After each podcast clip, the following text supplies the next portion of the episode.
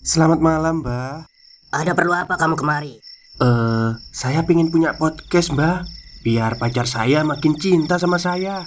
Loh, loh, loh. Mau bikin podcast kok tanya dukun? Sekarang kamu download aplikasi Anchor.fm. Di situ kamu bisa buat podcast gratis dan podcast kamu bisa didistribusikan ke platform mana pun. Dan di aplikasi atau website Anchor.fm juga terdapat fitur-fitur yang memudahkan kamu untuk membuat podcast. Oh, gitu ya, Mbak. Kalau gitu, saya boleh minta password wifi-nya, Mbak. Buat apa? Buat download Anchor.fm, Mbak.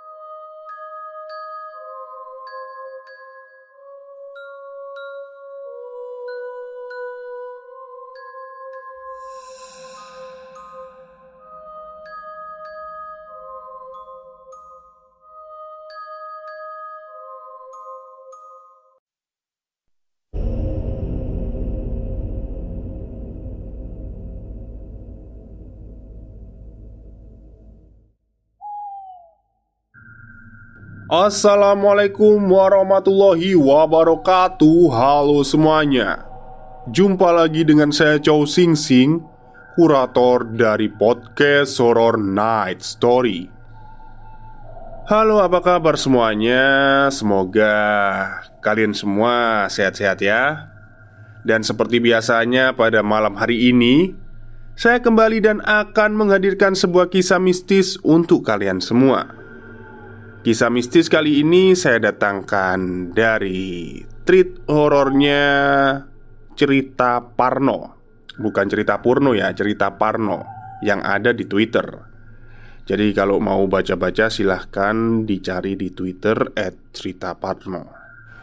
Oke, daripada kita berlama-lama Mari kita simak ceritanya Kejadian ini saya alami ketika saya menginjak kelas 3 SMA Tepatnya saat libur kenaikan kelas. Waktu itu pagi hari Kurang lebih pukul 5.30 setelah subuh. Saya berangkat menuju ke sebuah sungai kecil Yang ada di desa saya Untuk memancing. Saya berangkat bertiga bersama teman saya Nino, Anang, dan Rohmat dengan berbekal peralatan pancing seadanya dan umpan yang telah kami siapkan sejak sore. Kami berjalan menuju ke sebuah bendungan yang berada di hulu sungai. Untuk sampai di tempat itu, kami harus berjalan kaki kurang lebih 30 menit melewati area perkebunan. Kemudian menuruni bukit karena lokasinya berada di paling ujung perbatasan desa kami. Memancing di sungai sudah menjadi kegiatan yang sering kami lakukan di saat liburan, apalagi saat liburan panjang sekolah. Kami bisa sampai lupa waktu. Sesampainya di lokasi, terlihat sudah ada beberapa orang memancing yang datang lebih awal kami pun segera bergegas mencari tempat yang nyaman untuk mancing. Saat matahari mulai muncul ke permukaan, para warga desa yang akan memancing mulai berdatangan. Hingga semakin lama di area sekeliling bendungan hampir dipenuhi oleh para pemancing. Beberapa saat kami memancing satu persatu ikan berhasil kami dapatkan. Hingga tak terasa Keranjang tempat ikan yang saya bawa semakin lama semakin penuh. Terisi ikan hasil tangkapan.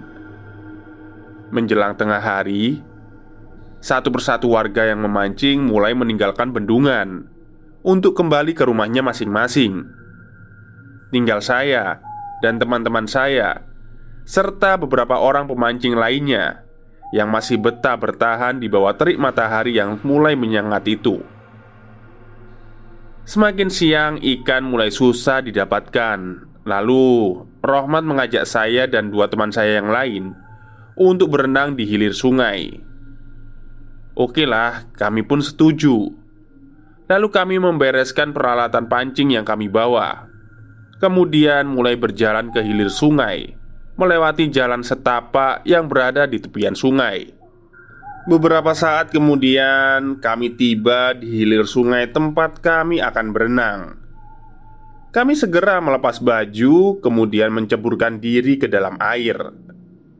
Segarnya air sungai yang dingin membuat kami terlalu asyik berenang, hingga suara adzan duhur di kejauhan terdengar memberi tanda agar kami segera naik. Kami pun segera menepi sesaat setelah mendengar adzan. Lalu kami kembali memakai baju. Setelah itu, mulai berjalan pulang. Di perjalanan pulang, saat menaiki bukit, kami berjumpa dengan seorang kakek tua yang berjalan tertatih memanggul sebuah karung berisi rumput. Ya, karena kasihan, saya pun menawarkan diri untuk membawakan karung itu. "Mbah, sini saya bantu bawakan sampai ke atas," kata saya. "Ora usah, Le. Si mbah kuat kok," jawab beliau. "Mau nopo-nopo, Mbah? Mana? Saya bawakan."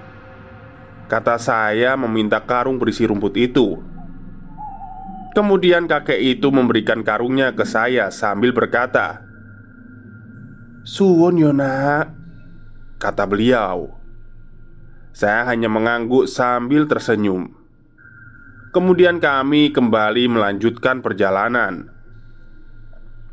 Sesampainya di atas, saya bertanya kepada Simba Kakek rumahnya di mana? Tanya saya Kemudian beliau menjawab dengan menyebutkan nama sebuah kampung yang berada di wilayah desa sebelah. Mendengar jawaban beliau, saya mengajak teman-teman untuk ikut mengantar beliau sampai ke rumahnya. Sebab jarak kampung kakek lumayan jauh. Saya kasihan jika beliau harus memanggul karung rumput itu sendiri dengan kondisi beliau yang sudah tua ini. Dan beban karung ini juga lumayan berat. Mendengar ajakan saya, Nino yang kebetulan punya gebetan orang kampung sebelah langsung berkata, "Ayo, ayo, aku mau ikut sekalian mampir ke tempatnya Lastri." Jawab Nino kegirangan. Namun, saat saya dan teman-teman sudah sepakat untuk mengantar kakek itu sampai ke rumahnya, beliau menolak dengan alasan beliau takut merepotkan kami, dan beliau juga sudah biasa memanggul sendiri. Kami pun menegaskan bahwa kami tidak merasa direpotkan, dan kami ikhlas ingin membantu karena kami tidak tega beliau memanggul karung rumput itu sendiri. Akhirnya beliau menerima tawaran kami Sambil memulai langkah beliau berkata Anaknya siapa ya mereka ini? Kok masih muda tapi baik Nggak seperti anak yang lain Kata beliau memuji sikap kami Saya dan teman-teman menanggapi pujian beliau dengan selengean, bercanda agar kakek tidak merasa canggung. Perjalanan menuju ke kampung kakek ini kurang lebih satu jam dengan berjalan kaki. Saya dan teman-teman paling bergantian memanggul karung rumput agar kami tidak terlalu capek. Saat hampir memasuki kampungnya, kakek berkata, sudah. Sampai sini saja nak. Kalian pulang aja ya. Nanti malah dicari sama orang tua. Kata kakek. Kami berempat masih menolak Dan tetap kekeh untuk mengantar beliau sampai ke rumahnya. Walah, nanggung bah Jawab kami. Lalu kami pun meneruskan perjalanan Ketika mulai masuk ke wilayah kampung kakek, saya merasa ada yang aneh. Kami melewati sebuah gapura besar yang megah dan jalan kampung yang luas. Kemudian Nino berkata, "Ini gapura sama jalannya kapan dibangun ya, Kek? Kok saya baru tahu?" Tanya Nino. "Ya, sudah lumayan lama loh, Nak," jawab beliau. Lalu Rohmat berkata kepada Nino, "Katanya gebetanmu orang sini. Kok kamu nggak tahu?" Kata Rohmat mengejek. Seketika kami tertawa mendengar ucapan Rohmat. Nino pun hanya cengar-cengir menahan malu. Sepanjang jalan menuju rumah kakek, suasana kampung terlihat sangat sepi. Hanya nampak beberapa orang saja yang sedang beraktivitas di rumahnya. Selama perjalanan, kami juga tidak berpapasan dengan satu orang pun. Saya bertanya kepada Nino, "Omanya Lastri yang mana, Noh?" Tanya saya. "Waduh, yang mana ya? Lupa saya. Soalnya jalannya beda." Jawab Nino. "Uh, jangan-jangan kamu belum pernah ke rumahnya?" Kata Rahmat menimpali. "Asu." Jawab Nino mengumpat dengan wajah agak jengkel. Kami kembali tertawa mendengar jawaban jengkel Nino itu. Obrolan ngalor ngidur selalu terucap selama perjalanan agar suasana tidak terasa sepi. Beberapa saat kemudian, kami sampai di rumah kakek. Lalu kakek berkata, "Sudah, ditaruh sana saja, Nak."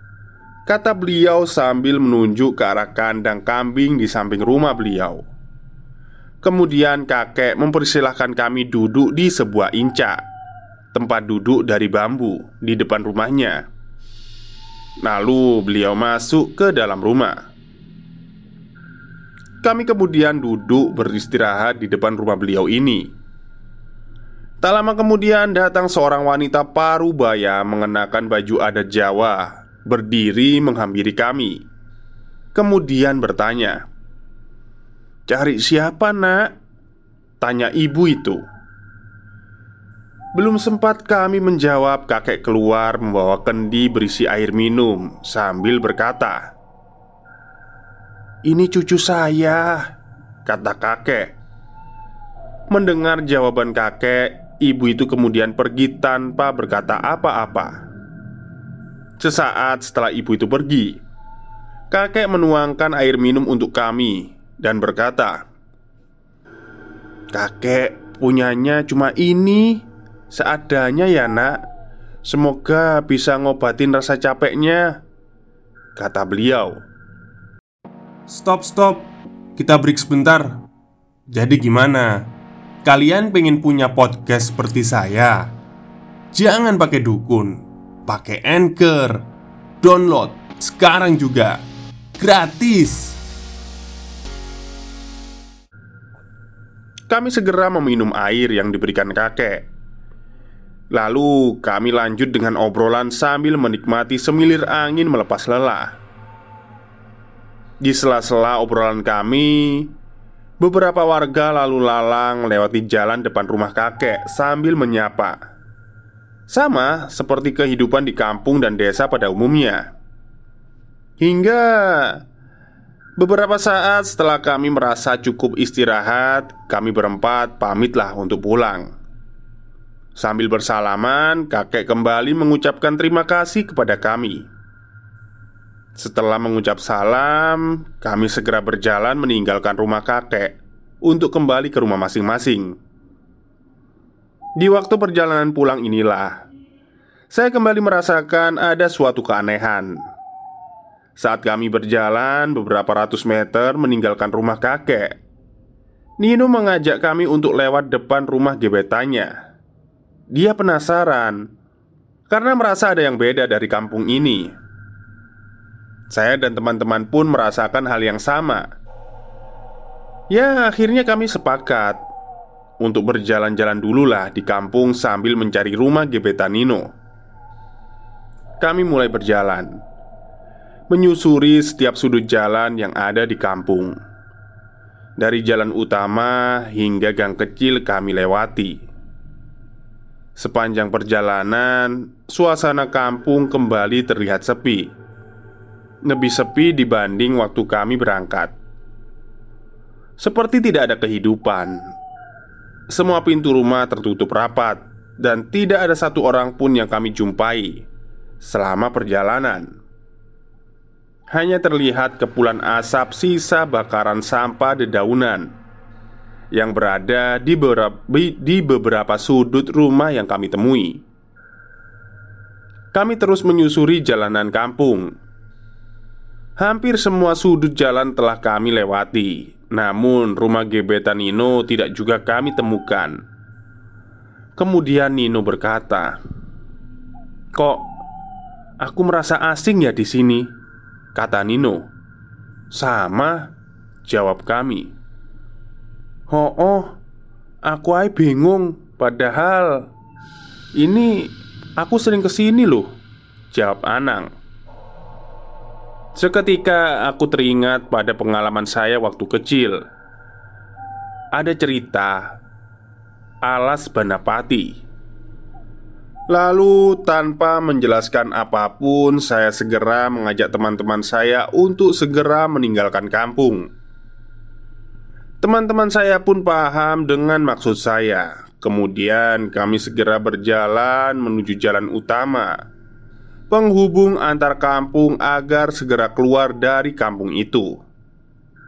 Saat sampai pada jarak beberapa ratus meter sebelum gapuro perbatasan kampung, kami melihat ada asap yang sangat tebal menyelimuti gapuro hingga jalan di depan Gapuro hampir tidak terlihat. Entah dari mana asalnya asap itu.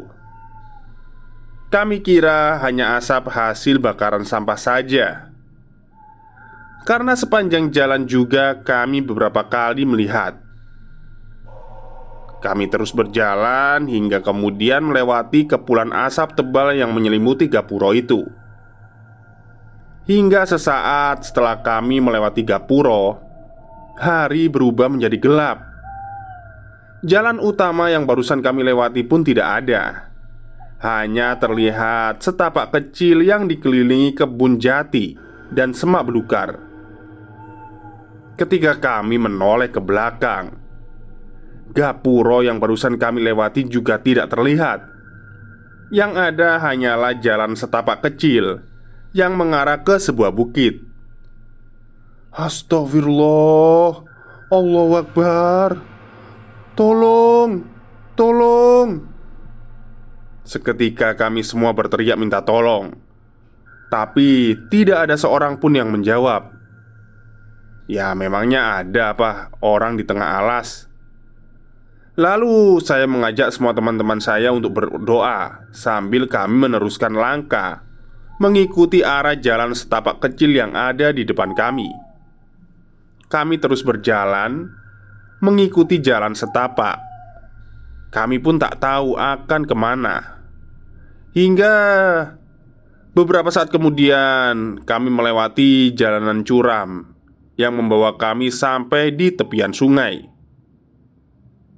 Saya mengajak teman-teman saya untuk berhenti untuk menenangkan diri sambil berdoa agar kami tetap diberi keselamatan sampai kembali ke rumah. Beberapa saat kemudian, Nino melihat adanya cahaya lampu di pinggiran sungai bagian hilir. Kami dengan serentak berteriak, "Tolong! Tolong! Woi, tolong!" Kemudian Seseorang di hilir tersebut memberi jawaban Weh, siapa itu? Sebentar, tunggu, saya ke situ Teriak orang itu Dan Beberapa saat kemudian datanglah beberapa orang dari hilir sungai menemui kami Lalu segera menolong kami menyeberang sungai dan membawa kami menuju ke kerumunan orang yang ada di pinggiran sungai hilir yang ternyata sejak sore tadi mereka mencari keberadaan kami. Seketika puluhan warga desa langsung berbondong-bondong menyambut kedatangan kami dengan histeris. Disusul tangisan keluarga saya dan keluarga teman-teman saya Yang kemudian memeluk kami. Lalu Terdengarlah lantunan suara adan Dari salah satu ketua adat yang ada di desa kami. Dilanjutkan dengan sujud syukur Kepada Gusti Yang Maha Kuasa Atas ditemukannya kami. Dalam keadaan selamat dan bisa berkumpul kami Kembali dengan keluarga. Selesai. Matur nuwun. Oke. Ini adalah sebenarnya Apa ya? Tidak ada tragedi apa-apa ya dalam cerita ini Alhamdulillah Jadi karena memang niat mereka baik Empat orang itu menolong si kakek-kakek itu Jadi ya ya udah selamat aja. Tapi sebenarnya kakek-kakek itu tadi udah ngasih isyarat sih Biar, biar nggak ikut mereka Eh biar nggak ikut kakek-kakek itu tadi gitu loh. Tapi ya udahlah mungkin karena tergugah ya hatinya Ingin menolong ya sudah gitu Oke mungkin itu saja cerita untuk malam hari ini. Kurang lebihnya saya mohon maaf. Wassalamualaikum warahmatullahi wabarakatuh